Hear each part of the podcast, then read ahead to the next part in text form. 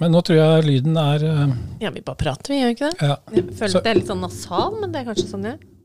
Det er fin stemme nå. Ja. Shut up and sit down.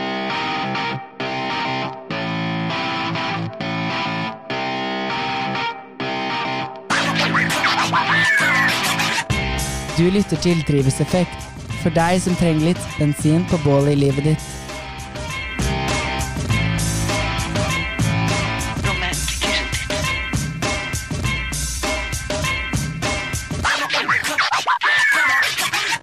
Denne podkasten er levert av Inforegi AS. Shut up and sit down. Der kan vi begynne. Hjertelig velkommen til podkast eh, nummer tre, og vi er enda ikke helt uh, utlært her.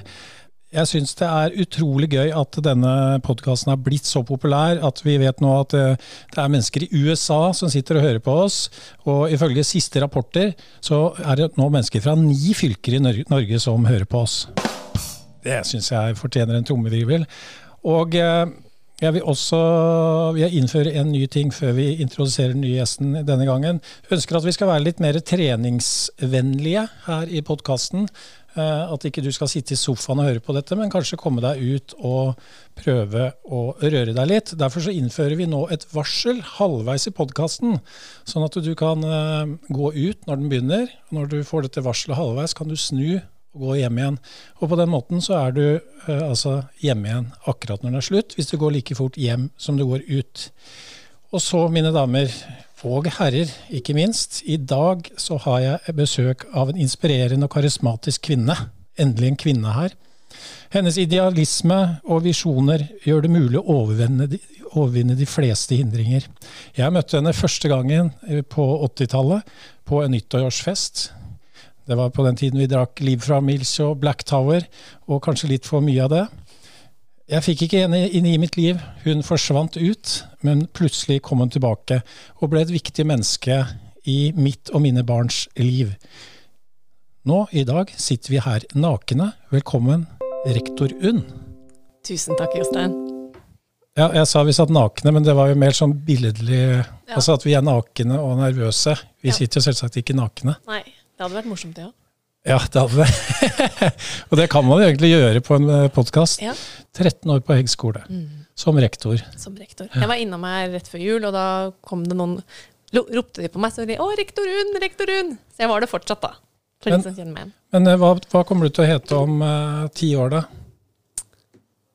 Nei, det er vanskelig å si. Heldigvis tenker jeg at det er såpass mange muligheter at man ikke trenger å bestemme det nå. Kanskje er det rektor igjen? Kanskje det er det? Hvem vet? ja. Fordi, eh, hva er det du har begynt med nå? Nå har jeg begynt i kommunenes organisasjon, altså KS, som hjelper kommunene eh, og er støtte- og interessepartner og utvikler for sammen med alle kommunene i Norge, og fylkeskommunene. Ja. Så jeg er spesialrådgiver. Oi, så flott, da. Ja, gir spesialråd. Ja. Så spørs det om noen vil høre på mine spesialråd.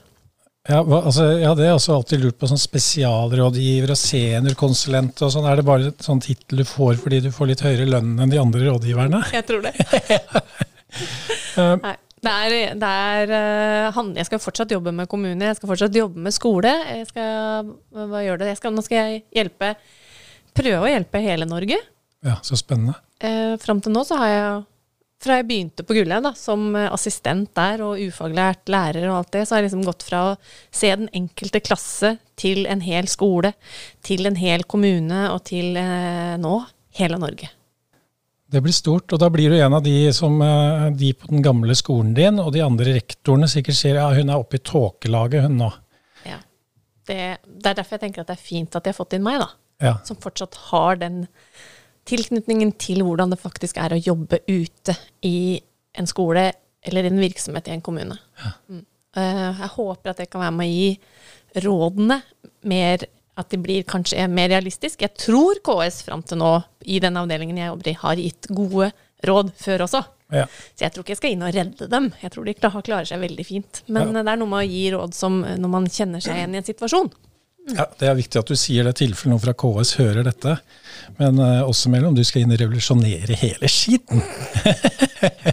Jeg tror ikke det er derfor jeg er ansatt. Nei, vi får se. Eh, Jeg Beklager, jeg er litt sånn hes i stemmen i dag. Jeg har jo begynt på dette her treningsopplegget også, jeg vet ikke om det er derfor jeg er hes.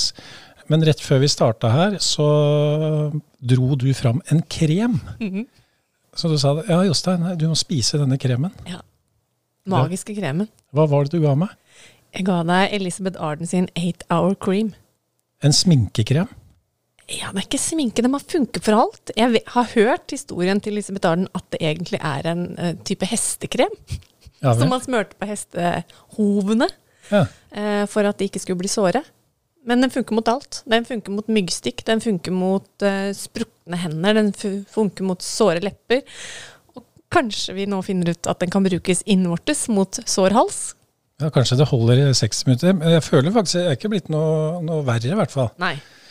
Så, men nå sitter jo altså vi her, ikke eh, nakne, men, eh, men det er liksom første gangen for deg. Er det, har du vært med som en radio eller sånn podkast før, eller? Ikke podkast. Jeg har blitt intervjua i noen settinger, Ja. eh, også på radio men, eh, og TV, men ikke sånn dybdeintervju som dette her. Husker du når du ble intervjua sist? Em, det, det er mange år siden, men det er den gangen jeg husker, for da var jeg til og med inne i studio i, i Drammen, i NRK Buskerud, Ja. og ble intervjua fordi vi skulle ta rotta på november på Hegg skole. Rotta på november? Ja. November er litt sånn mørkt og trist, og en måned som er litt lang. Så da gjorde vi forskjellige morsomme tiltak på, for de ansatte på skolen. Da. Vi leide bl.a. inn eh, en fysioterapeut. Eh, og dette ble slått opp i avisa, og så ringte NRK Buskerud, og da var det bare rett inn. Kjempegod idé, da. Mm. Funka det? Jeg tror det gjør noe med folk at man blir sett og satt pris på. Mm. Om ikke det gjorde at eh, Og jeg tror november ble litt lysere. Eh, om sykefraværet gikk ned akkurat i november, det tror jeg ikke. Men kanskje det hadde en langtidseffekt om at vi har det bra sammen på jobb. Er du sånn som blir litt deppa om høsten, eller? Nei, sjelden. Blir du deppa om våren? Nei, veldig sjelden. Jeg føler meg noen jevnt høyt oppe. Du gjør det? Ja, det er fint. Det blir spennende. Vi skal jo ta en psykoanalyse på det etterpå. så Ja. får vi... Kanskje vi får svaret der. Kanskje den vet noe annet enn jeg. Ja. Du har fått eh, kaffekoppen din. Hva står det på den? Berlin? Har du noe forhold til Berlin? Ja. Oi, så flaks, da. Hva er det for noe? Jeg var i Berlin da muren falt. Mm. Eller året etter. eh, Med St. Halvor videregående skole. Tysk. Jeg hadde tysk som fag. Var sammen med lærerne og hele pakka. Det var første gang jeg var i Berlin. Og så var vi der um, med hele storfamilien um, i, eh, for to år siden. For det er en del av dansesreisen til mine foreldre som tar med seg barn og barnebarn på den nye dansesreisen. Mm. Så da var vi i Berlin. Det er en veldig, veldig fin by, syns jeg. Det er det. For det du ikke vet, vet du, er at jeg har jo tysk grunnfag. Og hast du Deutsche Grundfach? Ja, ich kann Deutsch sprechen. Ja. Ja, fordi det, det er litt gøy med tysk, fordi jeg husker sønnen Oskar han gikk jo på en ungdomsskole og hadde tysk. Og så begynte han på videregående, og første timen de kom der, så sa han pappa, vi kan ingenting. De andre kan mye mer. Eh, og mitt inntrykk er at man i mange av språkfagene er veldig opptatt av grammatikk og sånn. Og de lærer seg å, å, å på en måte bøye og gjøre alt grammatisk, men de kan jo ikke snakke. Er det sånn enda? Nei. Dette er bare to år siden. Ja, hvordan det er på videregående, vet jeg ikke. Men på barneskolen Mm. så er vi opptatt av at man skal kunne Altså i engelsk, da, som de lærer hos oss på barneskolen, så skal de kunne gjøre seg muntlig forstått. Altså kunne prate og kunne lytte og kunne forstå. Ikke så mye pugging på I am, he, she, it is. I am, you are, he, she, it is. Ja, og an av interin Neben. Ja. Så, og det er jo det viktigste. Ikke sant? Tørre. Tørre å prøve å gjøre seg forstått. Ja. Kommunikasjon, det også. Ja. Det er viktig å tørre å, å snakke, og, det, og da er du ikke inne på tysk. Da er du inne på det med sang og, og opptreden og sånne ting. Og det er jo også en ting dere har mye i skoleverket. Ja. Det er det å skape det hele mennesket. Altså, jeg sier til eh, de helt ferske læ- lærerstudentene som kommer til oss i praksis, at eh, den viktigste jobben, det er å skape hele mennesket. Hvis du tror at du utdanner deg til lærer for å bare lære bort uh, matematikk og ganging, eller bare lære bort engelsk, så tenker jeg at de har lær, valgt feil yrke. For uh, læring, det er alt annet som skjer. Altså, den jobben er så enormt stor. Uh, og må, for å kunne skape læring, så er det så mange andre parametere som må være på plass. Trygghet, trivsel, å bli sett. Det er jo alt. Det er jo det vi mennesker vil. Så spennende. Du, vet du hva, vi må snakke litt, for det, jeg tror at den rektorjobben den har jeg lyst til å snakke litt om. For det i mitt hode det er den mest sinnssyke jobben du nesten kan ha. Men skal vi ta og begynne litt på den psykoanalysen først, sånn at eh, jeg, og ikke minst lytterne, vet eh, hvordan mennesker vi har foran oss. Har du sagt hei til Surulf, forresten? Jeg har hilst på han før. Har du det? Ja, på skirenn. Oi, Ja. Hvor var det? I Sylling. Ja, han var der oppe, ja, han, ja. Han sto der oppe og skremte meg, for jeg var, trodde først det var ei bikkje som satt helt stille. ja. Men jeg så jo ved nærmere ettersyn at det var en ulv. Det var, en ulv. det var litt morsomt, for det var det året det var ulv i området her. Ja. Og så tenkte vi å gjøre litt uh, morsomt med det, og da reiste vi hjem og henta surulv, og så satt vi han borti skogkanten. Og det var ikke bare rektor som sånn, men det så alle barna også. Så det var veldig gøy. Men Surul har altså flere talenter. Han har nå begynt med denne psykoanalysen. Takk, Jostein. I dag er det UNN som skal analyseres. UNN er naturlig fødte ledere, full av lidenskap og karisma. DAI-personligheten, som utgjør kun 2% av befolkningen, har en evne til å nå ut og inspirerer andre og til å oppnå og gjøre gode ting i verden. Vi finner dem ofte som politikere, trenere og lærere. Hun har en naturlig selvtillit, noe som gir henne innflytelse. Hun er i kategorien diplomater. Hun er en protagonist. På norsk en underviser. En underviser. Har du noen kommentar? Er du enig i alt dette Syrup sier? Det var jo noen fine ting der. eh, Det var ikke bare fine ting, da? Jo, det var det. ja, vi får håpe han har rett, da. Det er nok eh, Ja, du kjenner meg jo godt etter hvert. Eh, Jeg kjenner meg igjen i noe av det. Eh, At jeg er en underviser, det er nok vanskelig å komme bort fra. Jeg liker å stå foran folk, jeg liker å være sammen med folk, jeg liker å, å lytte til folk. Så hva å undervise bare er å lære bort, eller om å undervise er med å skape engasjement og skape tilhørighet og skape glød og motivasjon, det er kanskje mer det en underviser er, enn den gamle tanken på at det å undervise er å stå foran et kateter og lære bort. Ja, fordi en underviser, det er jo på en måte den kategorien du er i. På samme måte som, eh, som Sjur som var rasist, som var en konsul, ikke sant. På engelsk så var det en protasjonist. Eh, En slags sånn hovedrolleinnehaver, eller Og det er, litt, det er veldig gøy, fordi den testen du har tatt her, da, den er, ganske, den er ikke så veldig lang. Men jeg opplever det på alle gjestene så langt at vi treffer veldig, veldig bra på dem. Og dette er jo første gang vi har en underviser i drivhuset vårt. Ja. Er du litt nysgjerrig på hvilke andre mennesker som har den personligheten eh, som eh, du har? Ja, ja, Skal vi høre? ja. Andre mennesker med samme personlighet som hun er Barack Obama, Oprah Winfrey, Malala Yousafzai, Sean Connery. ja.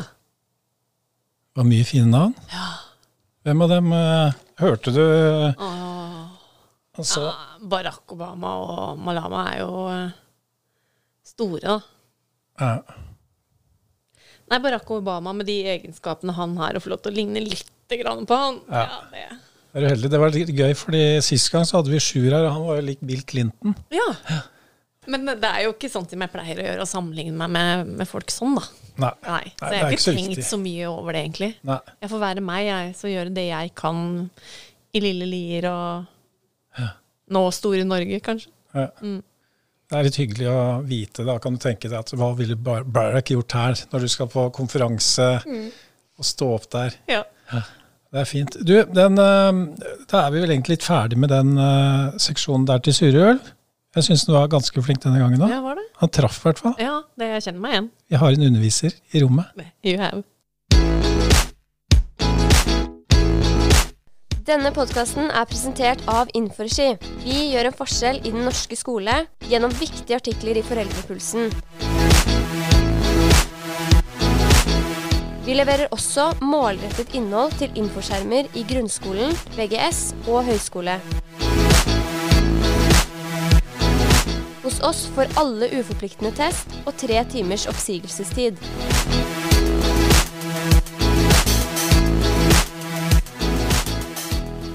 Nå vil jeg tilbake til den rektorrollen.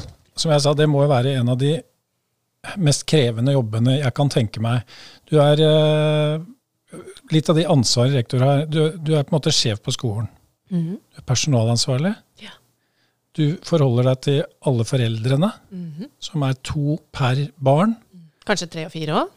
Ja, ikke sant? Det òg. Du har budsjettansvar. Og uh, i det hele tatt uh, veldig, veldig omfattende jobb.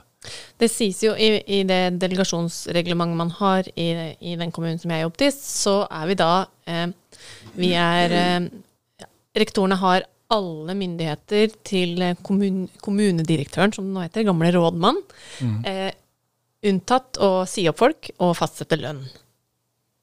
Ja. Ellers har jeg alle myndighetene som rådmann har. Har, den, har rådmann delegert videre til meg. Det er ganske vilt.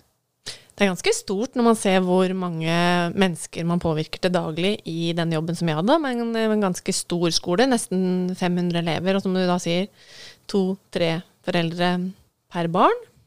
Over 70 ansatte. Det er et stort ansvar, og det har vært et stort ansvar. Men det er jo det, er jo det jeg har likt. Jeg har jo elsket jobben min. Mm. Så det er jo ikke derfor jeg slutter. men er det, det kan ikke være mulig å være god på alt det du sier. Hva var det du var dårligst til av dette? Jeg er dårligst på å rapportere. Eller jeg gjør det, og jeg gjør det innafor de fristene og de reglene som er. Men det å sitte og skrive ned sånne rapporter, det syns jeg er Det viktigste er hva jeg gjør. Mm. Og så skjønner jeg at man må rapportere. For jeg vet at altså, politikerne må jo få vite hvor mye penger har jeg igjen, eller hvordan har vi jobba med det og det. Men det er jo det, det arbeidet med menneskene der og da Ja. som er det som, det er, som jeg trives best med. Så kan du si er det administrative det, det som jeg ikke det, kanskje prioriterte høyest. Men så er det sånn da at jeg, etter å ha vært rektor i så mange år, så har jeg vært med på å sette den organisasjonen og ansette folk som utfyller meg Mm. som gjør at det, det ikke jeg liker, eller det ikke jeg er god på, det er noen andre som er god på. Og det, hva det er det Petter Stordalen som sier. Det viktigste er å tilsette og ansette noen som er bedre enn deg sjøl. Ikke sant? Mm, synes jeg er godt. eh, Lykkes du med det, syns du? Ja, i stor grad. Um, Men du så- sa, det, du sa til dere det, du har ikke lov til å, å sparke noen. Nei. Det må jo være utrolig uh, utfordrende. Altså, du har 70 medarbeidere. Og nå, nå, skal, nå snakker vi generelt, da. Mm. Så, så, så er det jo alltid noen uh, råtne egg i kurven, holdt jeg på å si, eller hvor du hører at dette her går ikke. Mm. Må du bare leve med det, da. Det er systemer i, i arbeidsretten som gjør at man kan gjøre ting. Mm. Men man må gjøre ting ordentlig. Jeg kan ikke bare Ref nå, Wizz Air og fagforenings... eh, at man ikke får lov til å, å organisere seg og være Så tenker jeg man må gjøre ting ordentlig i forhold til de spillereglene som er.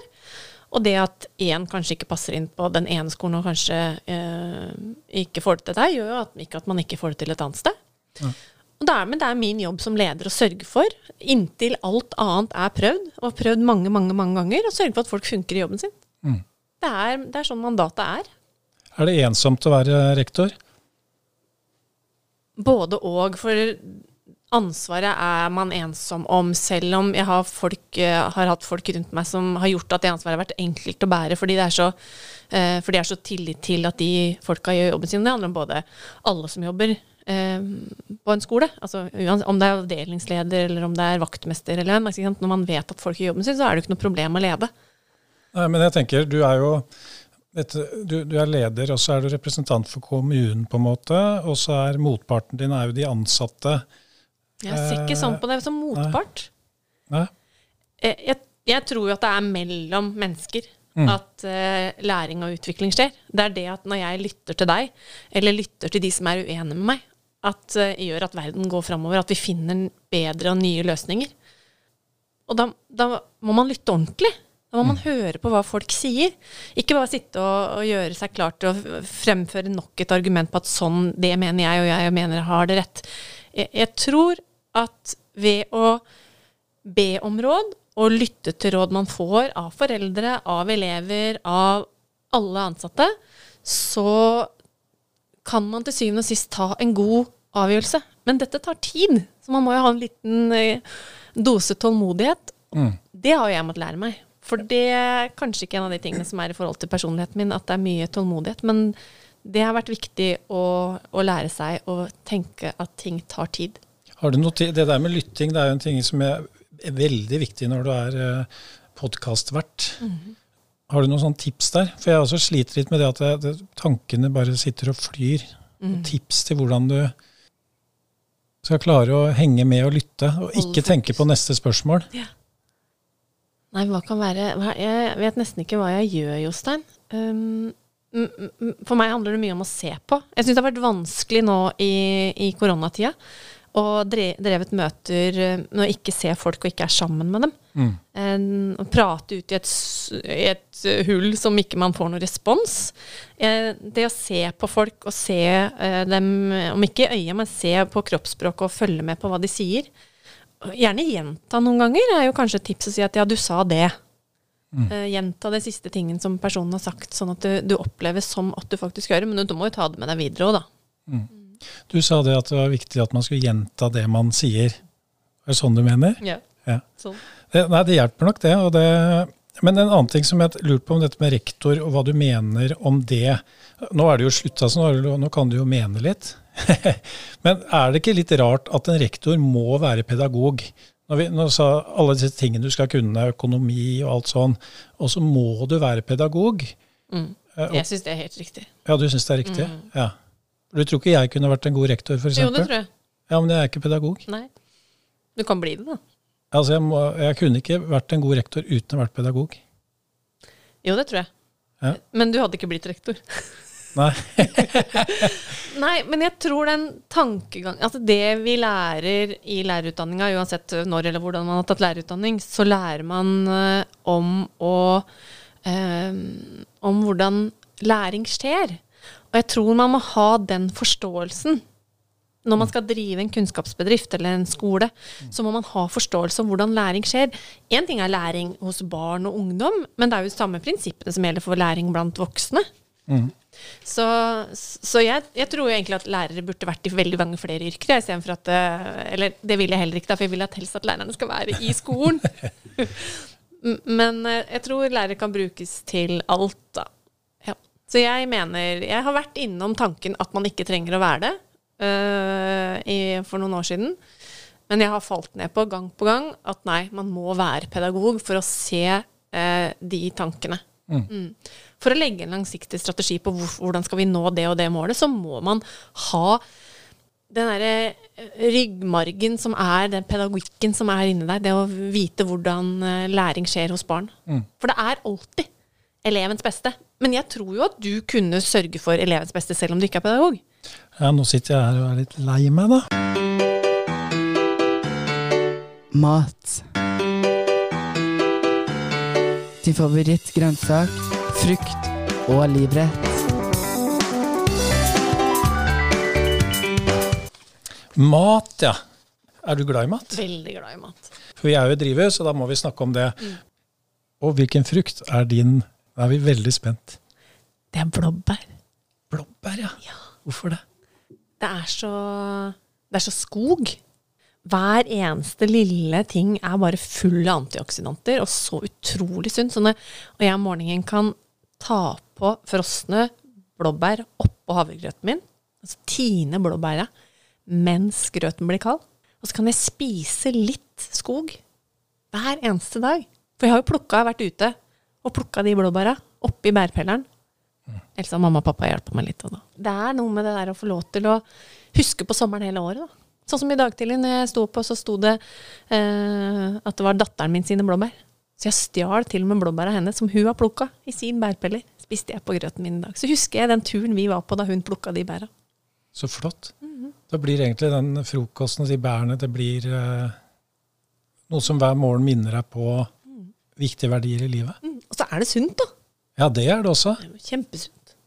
Det er det. Og litt sånn der som ved egentlig er. da. Altså du, Når du brenner, i hvert fall den veden du er eh, Det er kos mange ganger. Ja, det var, det, var, det var interessant. Altså, blåbær, dere. Shut up and sit down. Hva er favorittfrukten? Grønnsaken, Eh, Grønnsaken til Unn Karlsen. det er tomat. Mm. Men ikke hvilken som helst tomat. Nei vel? Nei. Den må lukte godt. Den må lukte tomat. Helst vil jeg ha norske tomater, men det får jeg jo ikke hele tiden. Men eh, er det én ting i matbutikken som står seg i forhold til pris, så tror jeg det er tomater. Hvis du kjøper billige, de billigste tomater, så lukter det ikke tomat. Nei. Men hvis du kjøper litt dyre tomater, så lukter det tomat, og det smaker tomat. Så tomat er viktig. Jeg spiser veldig mye grønnsaker. Ja, du ser så sunn og fin ut der du sitter. Over én meter fra meg. Ja. Nei, det, det er tomat. Spiser masse tomater. Jeg, jeg, har ikke veldig grønne fingre, men, eh, og jeg har ikke mye hage til å, å, som jeg kan ha tomater i, men, eh, men jeg, er det noe jeg kan liksom plante? Og de trenger jo ikke veldig mye stell, men jeg får lov å plukke Det er liksom det samme som med blåbæra. For Få lov til å plukke egne tomater. Det er lykke bare det, vet du. Livrett. Det er sei. Sei! da, du overrasker stadig vekk, altså, her på drivhuseffekt. Det må da. Da er det sånn at den seien må jeg fiske selv. Altså ikke fiskepinnesei. Nei. Nei. Jeg skal fiske den selv. Gjerne nordpå, der som jeg er innimellom i, om somrene. Og så skal jeg ta og sløye den og filetere. Og så skal jeg ta den med meg inn, helle det opp, eller putte det i kokende salt vann. Og så ser du at fisken bare krøller seg når du legger den oppi vannet. Da er det fersk fisk, da. Og så få lov til å spise den bare med flatbrød og meierismør. Det er så godt, Josse. Du får ikke noe bedre. Nei, gjør ikke det. Og det er ikke mange ganger i året jeg får ferskkokt sei. Og vi kan gå ut, dra ut og fiske sei klokka ti om kvelden, og så er vi hjemme klokka ett på natta. Men da må vi gjøre det klokka ett på natta. Kan ikke ligge til dagen etter. Jeg tror ikke det er en lytter som ikke fikk lyst på å smake på den seien.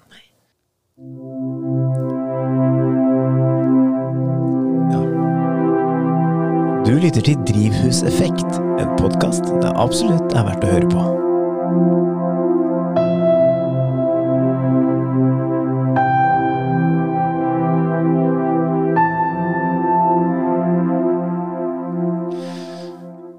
Den fin, hun? Han har jo så fin radiostemme. Ja. Men det har du, ja. Du er, du, er du ikke helt fornøyd med stemmen din? Det er sånn, føler at jeg har sånn lærerstemme som er litt sånn skrikende. Jeg får alltid beskjed om at mamma, du trenger ikke å prate så høyt. Unn, du prater så høyt. Mm. Jeg tror ikke jeg hører dårlig, jeg bare har sånn lærerstemme. Jeg syns den er fin, jeg. Det er litt rart å Det yrket du har, og det yrket jeg har, egentlig, eh, som korsanger og podkastvert Det er ikke yrket mitt, jeg tjener jo ikke noe på noe av de tingene. Men det å ha stemmen som et av de viktigste verktøyene Det, før, når man gikk lærerskolen før, ja, før, lenge før jeg gikk lærerskolen, så hadde man et eget fag som het stemmebruk. Jeg hadde det, ja. Har jeg hørt fortalt, for å skulle bruke magen. For vi vet jo at mange kan bli litt stive i, i halsen når man bruker stemmen feil. Så man skal helt ned i magerommet for å b bruke stemmen ordentlig. Du, du, du nevnte det der med, med kosthold, at du er så veldig sunn, eh, sunn og frisk. Og du ser jo ut som en vårblomst der du sitter. Det var du som sa at jeg var sunn og frisk. Jeg prøver å spise sunt. Ja. Men så kom det jo eh, en eh, episode som jeg husker, at du mista håret. Ja. Det var, må ha vært utrolig dramatisk. Ja. Men, og det er jo ikke bare en episode, det var en veldig lang episode. For det varte jo kjempemange år. Ja, Så Du våkna du bare en dag, og så begynte du å miste håret? En høst så kjente jeg at det, hva skjer? Tynnere og tynnere. Um, tok det kanskje et halvt år til jeg liksom egentlig hadde liksom, ikke måne, jo, det var veldig, veldig tynt på toppen. Um, gikk til doktoren og spesialist, da, en hudspesialist, um, som sier at nei, ja, nei, dette, dette er alopecia. Som det er en sykdom som heter flekkvis håravfall. Okay. Så da falt det av liksom litt her og litt der. Sånn tufser, eller? At du Nei, det var bare tynnere og tynnere hver eneste dag. Mhm. Sikkert kanskje sånn som en mann mister håret.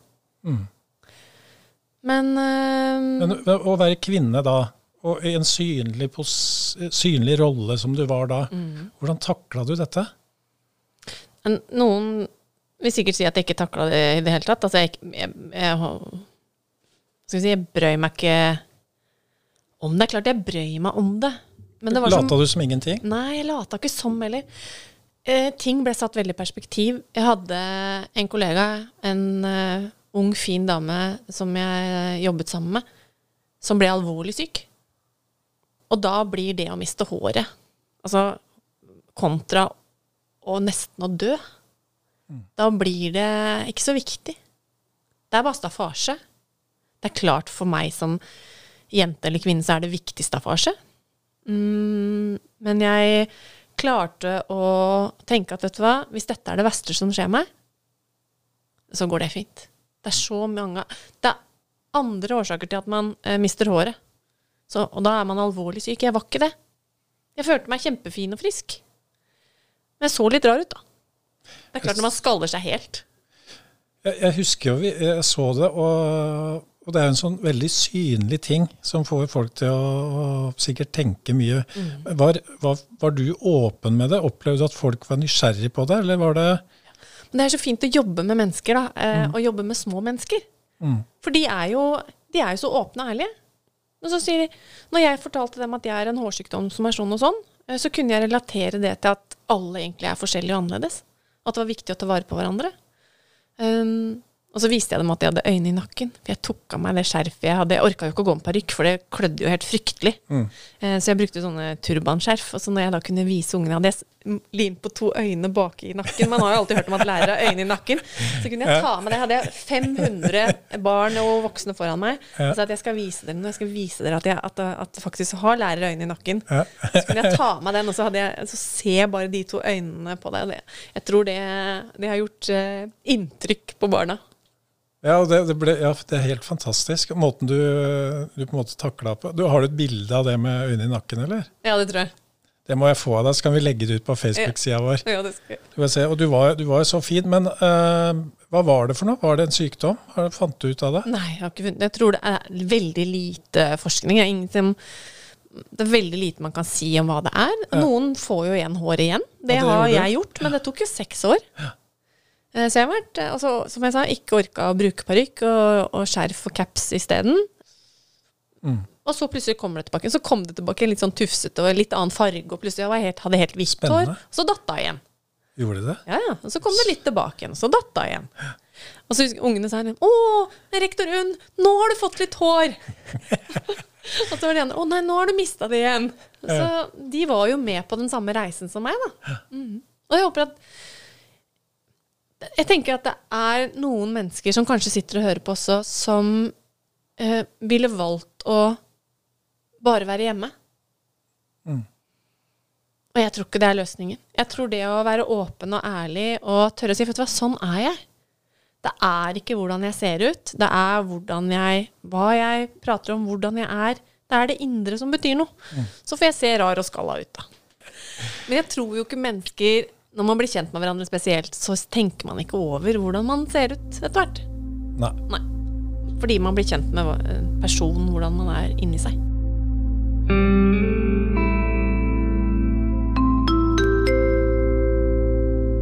Dette er en melding til en sporty lytter.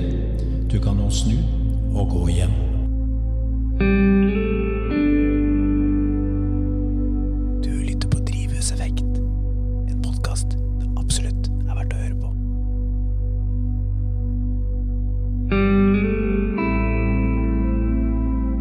Du, hvis du skulle satsa 100% på en sport som du på en måte hadde talent i, hva er det du hadde vært da hvis vi hadde sett på TV verdensmester Unvald Karlsen i Latindans. ah, En danser, ja. Er du flink til å danse? Jeg liker å danse. Jeg vet ikke om jeg er flink til det. Jeg, ønsker, jeg skulle ønske jeg var kjendis jeg kunne være med på så Skal vi danse. Kan, kanskje du blir det? Nei. Det er litt dumt at man må være kjendis. Ja. Det er Bare tull. Kunne man ikke hatt med én vanlig Skal, vi, skal vi danse kjendis, og så skal vi danse vanlig, vanlig for alle andre? Du, vi skal jo ha, I podkasten her så kommer jo programdirektøren til, i TV 2 og besøker oss. Kan vi kan foreslå det for henne. Så høre hva hun sier. Ja. Skal du være partneren min, da? Jeg kan vet du hva, Nei, det, jeg skal fortelle det en annen gang. Men jeg er veldig dårlig til å danse. Dessverre, fordi det ser så flott ut.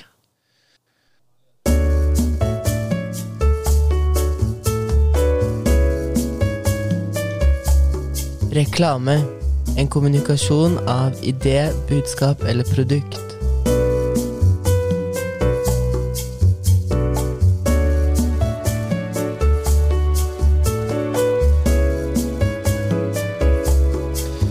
Ja, da er vi over til reklame. eh, For du vet at du får ikke noe betalt for å være her.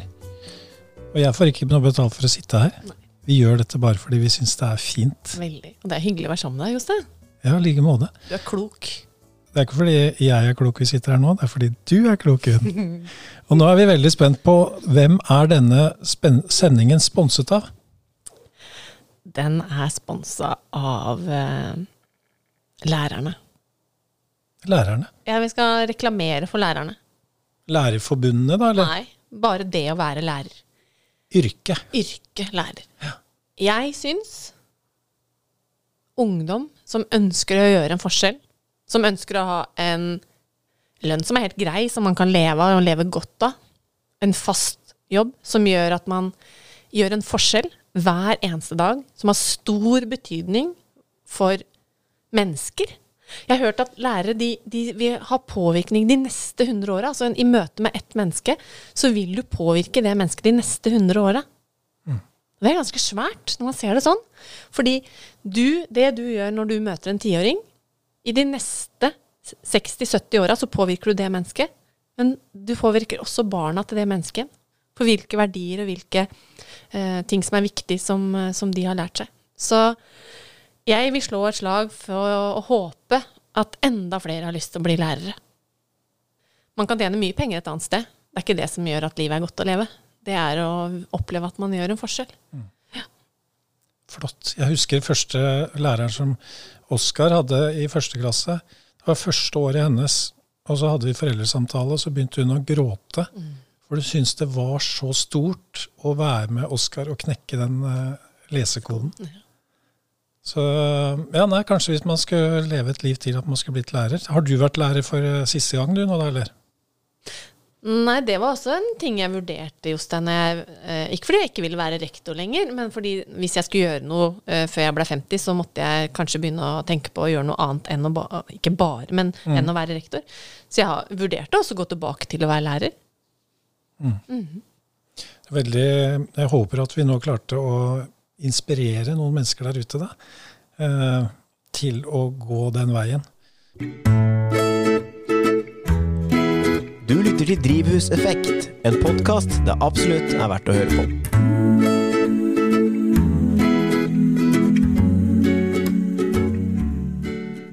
Er du fornøyd med utseendet ditt? Jeg klager ikke. Nei. Så jeg må si at det, det, det er det jeg har. Det tenker jeg gjør det beste ut av det staffasjen som er. Viktig. Veldig viktig. Det er, det er veldig viktig å være fornøyd med seg selv, og det opplever jeg at du er, uansett om du er skalla eller om du, du ikke er det.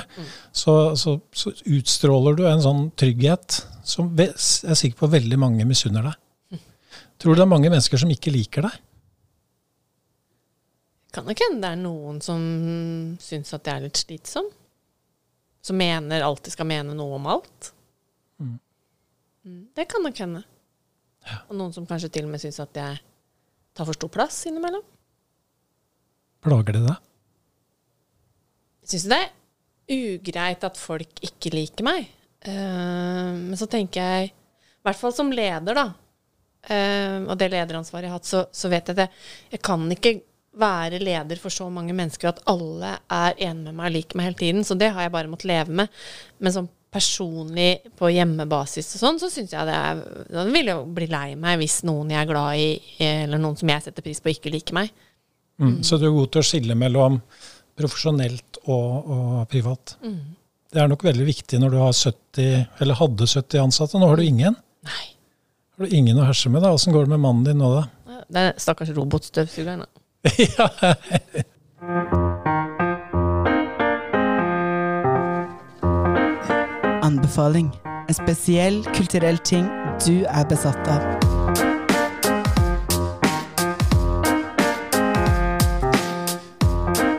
Jeg syns alle disse spaltene er spennende, og den her er eh, med i den gjengen der. Og eh, nå skal vi få en anbefaling av, av Unn. Og eh, hun får da ja, veldig streng her. Hun får bare lov å anbefale én ting. Og da er vi først spent på kategorien du har valgt eh, å anbefale oss i dag, Gunn? Er det en film? Er det et kunstverk? En bok? En opplevelse? Ja, det er en opplevelse eller et sted. Oi! Så spennende. Hvis du ikke har vært i Nord-Norge, og hvis du har tenkt deg til Nord-Norge, så skal du dra til Vesterålen. Ikke til Lofoten. Kan dra til Lofoten på besøk, men ha basen din i Vesterålen. Hva er forskjellen på Vesterålen og Lofoten? Det, det er to forskjellige steder, og det er en stor kamp mellom Lofoten og Vesterålen på hva som, eh, hva som er best. Mm, Men eh, Så Vesterålen er kanskje litt lillesøstera til Lofoten, som får alle turistene. Men det er enda finere i Vesterålen. Hva heter stedene i Vesterålen? Det kan, du kan dra til Melbu, hvor jeg er ofte. Som er et lite samfunn som bygger på fiskeindustrien fra den gangen man eh, fikk inn. Og det får de fortsatt, masse fisk, men da lagde de tran. Ja.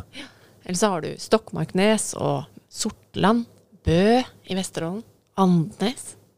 Ja. Stamsund, er det en del av det? Ja. Ja. Nei, det er Lofoten. Det er Lofoten, ja. Mm. Jeg kjenner nemlig han, det er en venn av meg som driver Joker Ja. På Stamsund. Ja. Så det er en liten reklame da for Joker på Stamsund, men ble- dra tilbake til Vesterålen etterpå. Ja, men jeg ble litt usikker på om Stamsund Kanskje jeg ikke er så At det er helt riktig at Stamsund er Lofoten? Jeg vet ikke, jeg, Jostein. Fordi jeg lyder, Han har jeg tenkt å invitere hit en gang òg, fordi han eh, bor i Oslo. Og så er han eieren og driveren denne jokerbutikken på Stamsund.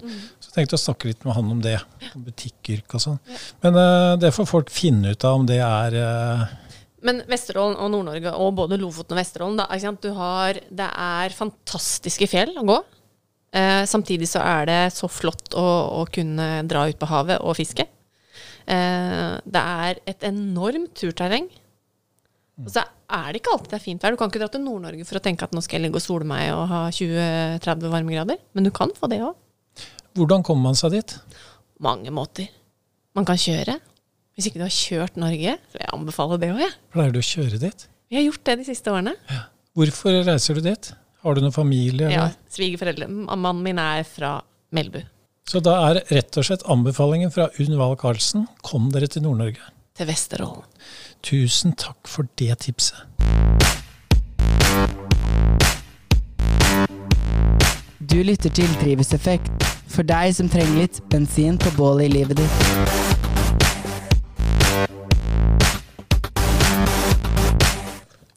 Unn, hva gjorde du ved midnatt i går? Da sov jeg. Er du sånn som legger deg tidlig? Ja. Er, du et, er det et A-menneske, det? Har blitt det. Ja. Alltid likt å legge meg tidlig, men nå står jeg opp tidlig òg. Når står du opp? Til og med når jeg er fri, så kan jeg stå opp sju, liksom. Å, herregud! det er imponerende. Og det, jeg misunner deg veldig det. Jeg er veldig Det- opptatt av søvn. Det er viktig å sove.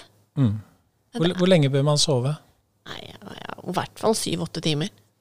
Sikkert flere som sover mer òg, men jeg tror altså det å, For å være på topp, da, og være uthvilt og ha det godt, så tenker jeg mat er viktig.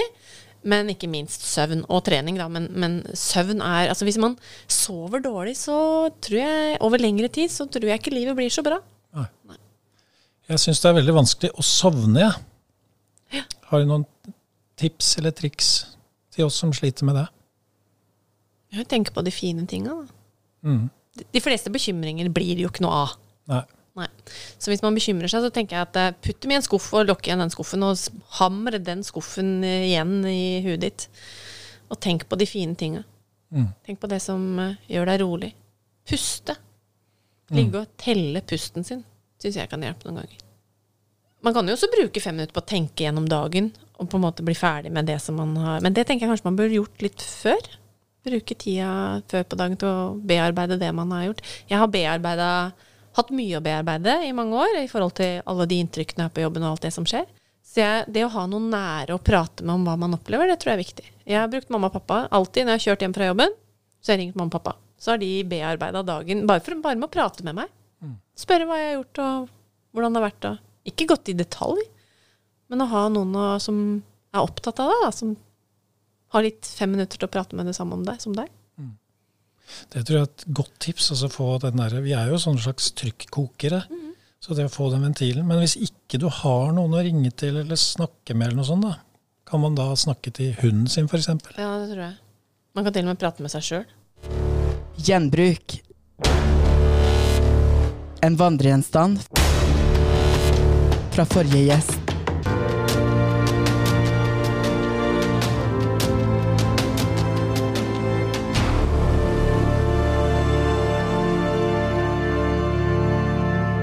Å, nå så jeg hva Unn har med, men du skal ikke få vite det enda.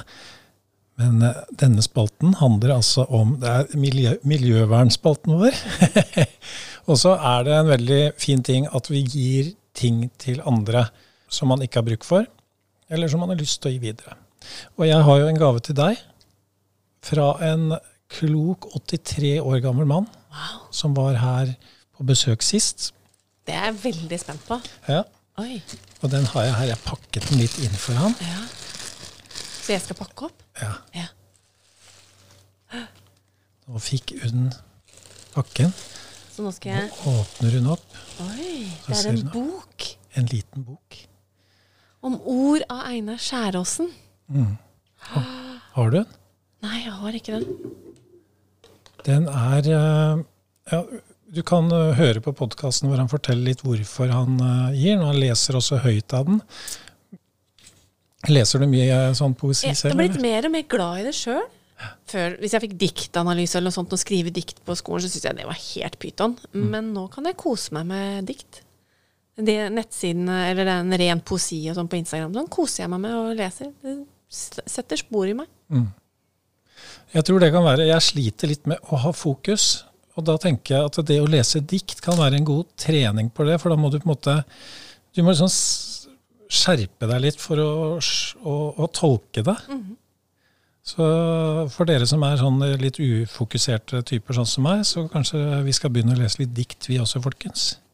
Nå skal ikke du få le Den der skal du få ta med deg hjem, Unn. Tusen takk, Sjur. Og nå er vi veldig spent på hva du sender videre.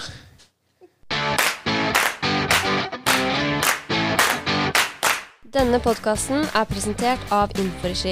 Vi gjør en forskjell i den norske skole gjennom viktige artikler i Foreldrepulsen.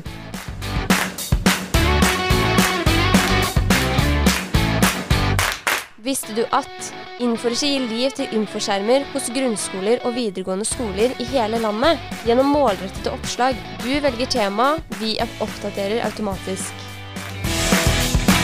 Og hvis du trenger hjelp til podkast, så kan vi hjelpe deg med det også.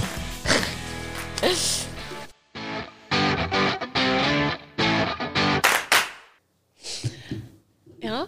Skal du beskrive denne, da, Jostein? Det ser ut Ja, det, det har et håndtak, og det ser ut som en ødelagt eh, ostehøvel som ikke er Men med, med små eh, Med små hull i. Ostehøvelrasp. En ostehøvelrasp. Ja. Ja. Når du tar taket Ja. når du bare skal ha litt oh, ja, rev, ja, ja, re- ja. reven ost. ja. Så, Så smart. tar du den oppposen, så har du bare akkurat det du trenger. Ah. Aldri sett før. Nei. Og denne her har vært et så viktig redskap i mitt, eller vårt hjem, mm. de siste fem-seks åra at den var helt utslitt. Så på lørdag så fikk jeg en ny en. Oi. Med plastikkhåndtak. For dette er de som lager ostehøvler, vet du. Det er Bjørklund, har du veit du de? De er jo de norske firmaene som virkelig er skikkelig gode på ostehøvler. Ah, ja. Så dette er en Bjørklund ostehøvel. Ja, så dette er en kvalitetshøvel. veldig kvalitet. Ja, og det er jo heltre Ja, og, men den var så sliten, og for at jeg um, Jeg har tatt den i oppvaskmaskin, for det er jo treskaft, og man burde ikke tatt denne her i oppvaskmaskin. Jeg syns den ser fin ut. Ja. Det er jo Ja, sånn blankt. Jeg har brøsja den opp. Jeg har lakka den i dag, Jostein. Har du gjort det? Ja. Så flott. Fordi den, den her var helt utslitt. Den, datt, øh, den Ja. var godt i liminga. Ja, så altså, den er ikke ut. utslitt sånn at den ikke kan brukes? Nei, men den var det dette fra hverandre Ja, i der i håndtaket. og sånn. Ja. Så den har jeg limt.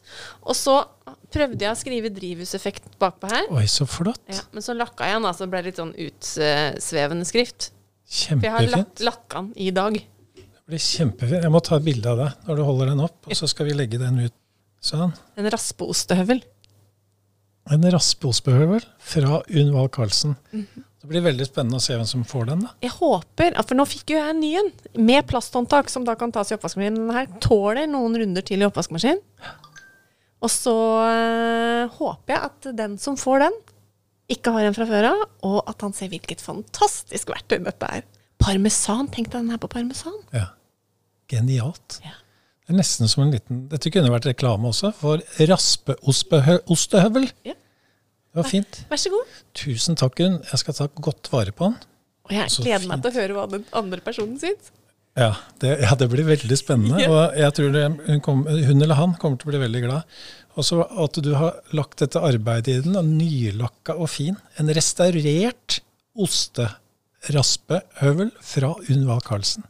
Jeg skal ta godt vare på den. Det er hyggelig å gi den videre.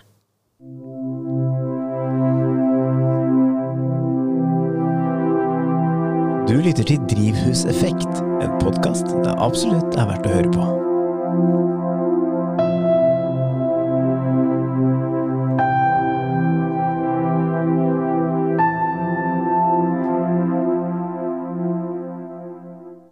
Har du hatt mye motgang i livet ditt?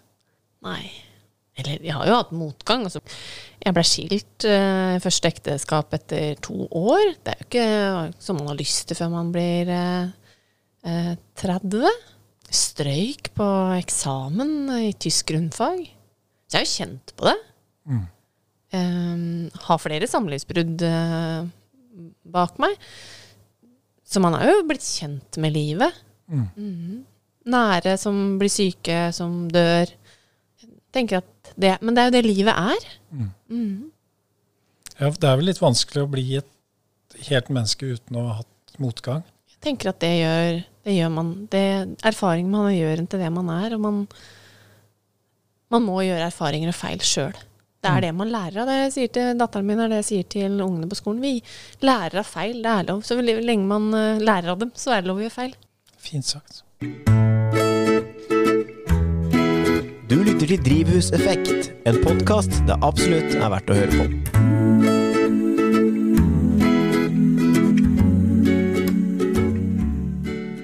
Du som har jobbet som rektor, og du har sett mye.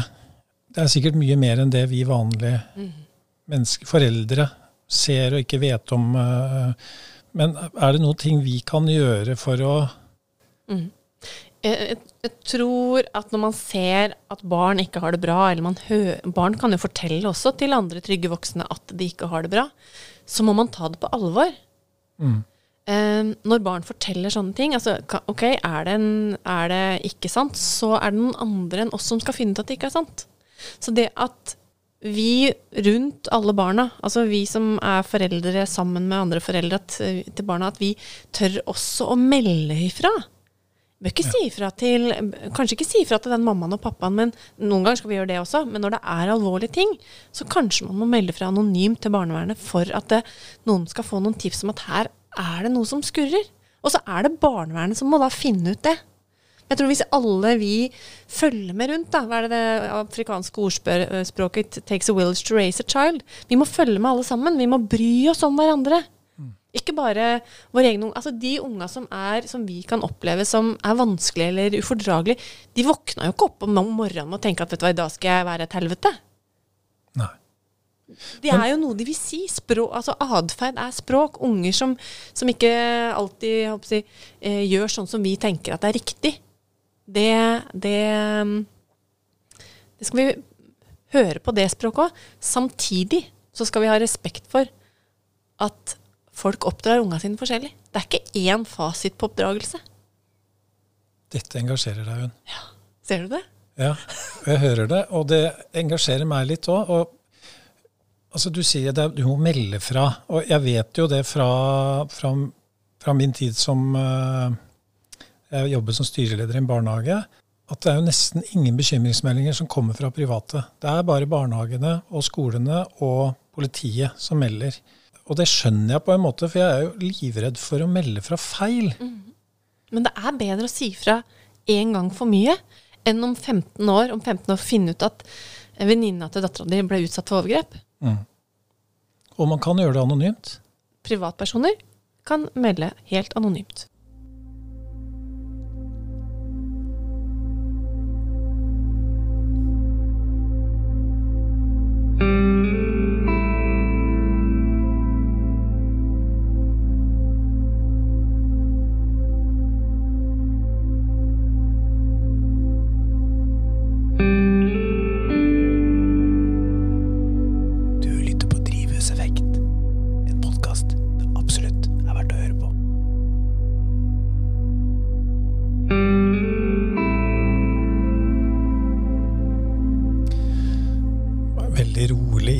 Til eh, neste tema. Eh, Dette med skolestruktur det er rundt om i hele landet. Det legges jo ned skoler, og det kommer nye byggefelt og sånne som gjør at man må omstrukturere ting. Og der vet jeg at du har, og vi er jo midt i en sånn prosess her i Lier.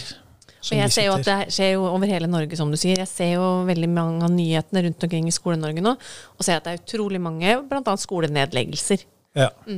Og det kan sikkert være smart. Nå skal ikke vi begynne å snakke om politikk og sånne ting, men altså, det er jo en grunn til at man gjør disse struktureringene. Men hva mener du er viktig å ha i bakhodet når du gjør sånne restruktureringer, annet enn bare økonomi? Jeg tror at det er viktig at en, en skole speiler samfunnet på et vis. At det er ulike typer eh, familier som tilhører en skole.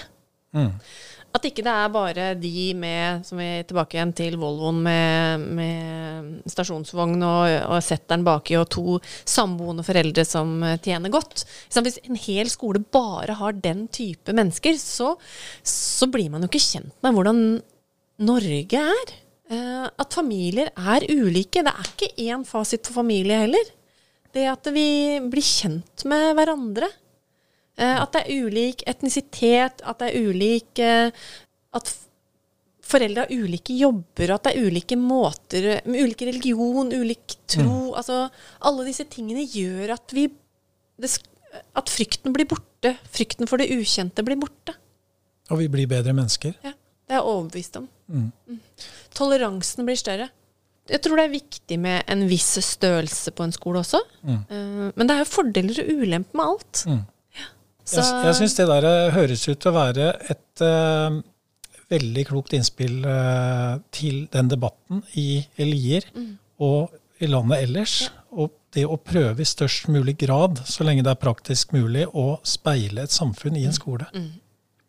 Og det har jeg også opplevd selv som forelder på din skole. Gleden og berikelsen av å treffe andre typer foreldre. At barna mine får andre typer barn som har andre perspektiv på livet. Det gjør jo både dem og meg og, og deg til et bedre menneske. Saft Suse, du store alpakka. Milde måne. Hvilket kraftuttrykk bruker dagens gjest? Ja, fordi saft suse er jo ikke å banne. Nei. Men uh, veldig mange uh, sidestiller banning med kraftuttrykk. Gjør du det? Eh, nei, ja, jeg banner. Ja. Er, og vi er jo så spent. Få sjekka det ut de to siste dagene.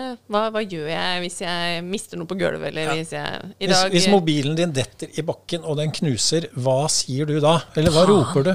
Du bruker det. Ja. Si det en gang til. Faen! Hvisker du? Nei, faen! Ja. Mm. hvisker det ikke, nei. Jeg, jeg, noen ganger så hvisker jeg det. Så det er den. Den er enkel. Det tror jeg er det mest brukte. Ja. Var veldig lite kreativt. Veldig lite kreativt der, altså. Så det, Hva, hva, det, hva bruker du på jobb da? Nei, det, da tror jeg jeg sier filleren. Ja. Ja. For du bruker ikke, Når du bor i Lier, så bruker du ikke søren. Nei.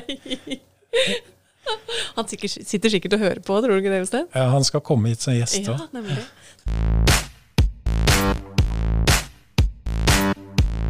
Du lytter til Drivhuseffekt, for deg som trenger litt bensin på bålet i livet ditt.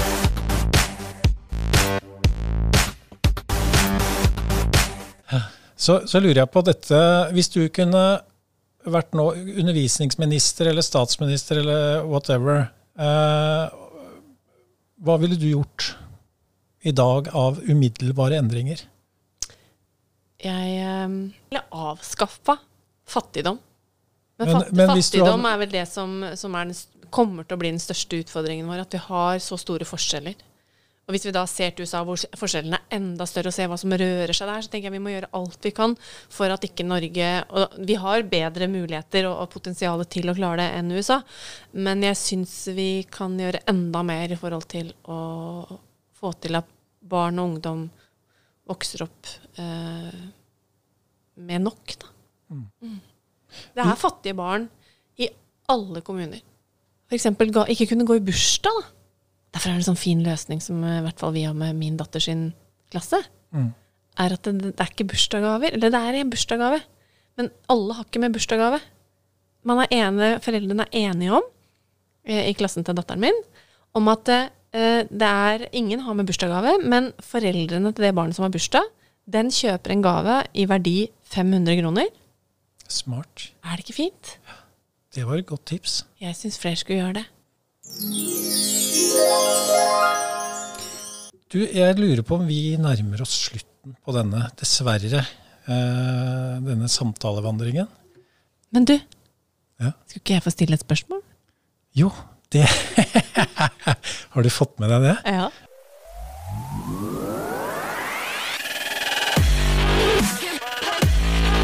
Hei, det her er Eva.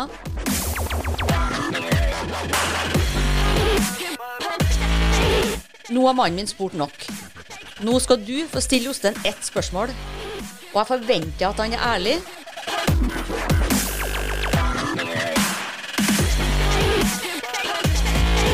Ærlighet varer alltid lengst.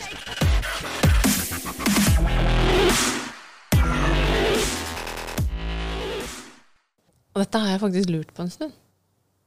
Ikke okay. bare siden jeg fikk lov til å bli invitert hit, Nei. men før. For jeg har jo blitt kjent med deg som en engasjert, eh, entusiastisk, glødende eh, gjennomfør Altså du får gjennomført det du setter deg eh, eh, fore. Og så vet jeg, fordi jeg kjenner deg litt, og omgivelsene rundt deg, at du har eh, sterke damer rundt deg. Mammaen din og søstrene dine og kona di. Og dattera di også. Så tenker Å, nå er jeg jeg så spent. Og jeg, skal, jeg lover å svare på det, men jeg er veldig spent nå. Men Det er ikke sikkert du kan svare men, men, men hun som er deg nærmest, da. Eva. Kona di. Har det vært krevende for henne å være din ektefelle? Kanskje hun skal svare på det? Tenker du at Eva syns det har vært krevende å følge med på alle de krumspringa dine? Eller ikke krumspring, men alle de ideene. Du, må jo, du bobler jo over. Hver gang jeg møter deg, så har du ting som du skal utrette og få til. Jeg, jeg tror jeg, Hun skal selvsagt få lov å svare på det selv, og jeg tenker kanskje hun skal bli gjest nummer 99 i podkasten. Men eh, hvis jeg skal svare for henne, så kan jeg svare et ubetinget ja. At det er nok eh, krevende for alle som er rundt meg, eh, inkludert meg selv. Å ha og, og, så, så det- er nok krevende, men jeg håper også det er inspirerende. Og så lærer man seg etter hvert sikkert at eh, det er ikke alt det blir noe av. og Det er jo sikkert opp- og nedturer også. Alt det du har tenkt og gjort og skal gjennomføre. Så er ikke, alt, ikke alt som blir som du får til. Nei, og det er masse jeg ikke eh, realiserer. En ting jeg gjorde uh, av hensyn til familien, det var å hoppe av politikken. Så jeg, jeg har ofra litt, og så blir det jo sånne krumspring som dette. Da. En podkast her og en skifest der og, og litt sånn. Så jeg tror nok um, FAU-leder og 17. mai-komité og Ja, ja. litt sånn. Men det er så fint for alle rundt deg, Jostein. Men jeg skjønner at det er krevende kanskje Det kan være krevende for de som er der nær. Men jeg tror nok at det hadde vært enda mer krevende å leve sammen med meg hvis jeg ikke hadde fått lov til å holde på med disse tingene. Så det handler om toleranse, respekt og tillit. Ja. Og jeg må, da får siden du bringte opp familien, må jeg få lov å si at jeg er veldig glad og takknemlig for at jeg får lov å være meg selv sammen med dem.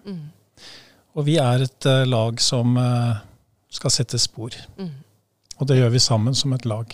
Det gjør dere allerede. Tusen takk, Gunn. Nå er det slutt. Jeg syns det har vært en utrolig fin å ha deg her i drivhuset sammen med Surulv og meg. eh, Og få lov å treffe dette mennesket som har gjort så mye for så mange i den lille kommunen du havnet i. Vi som bor her, er utrolig glad for at det var nettopp her du var, og vi håper du kommer til å være her resten av livet ditt, Unn. Og det sa du jo også, at du vil jo ikke flytte noe sted. Men du skal få lov å reise til Vesterålen én til to ganger i året. Men du må komme tilbake, og så må du nå gjøre en innsats for hele Skole-Norge.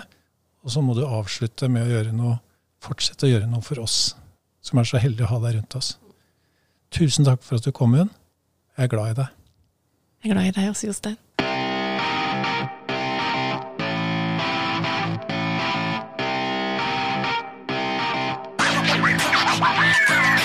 Denne podkasten er levert av Inforegi AS. Innhold over tid.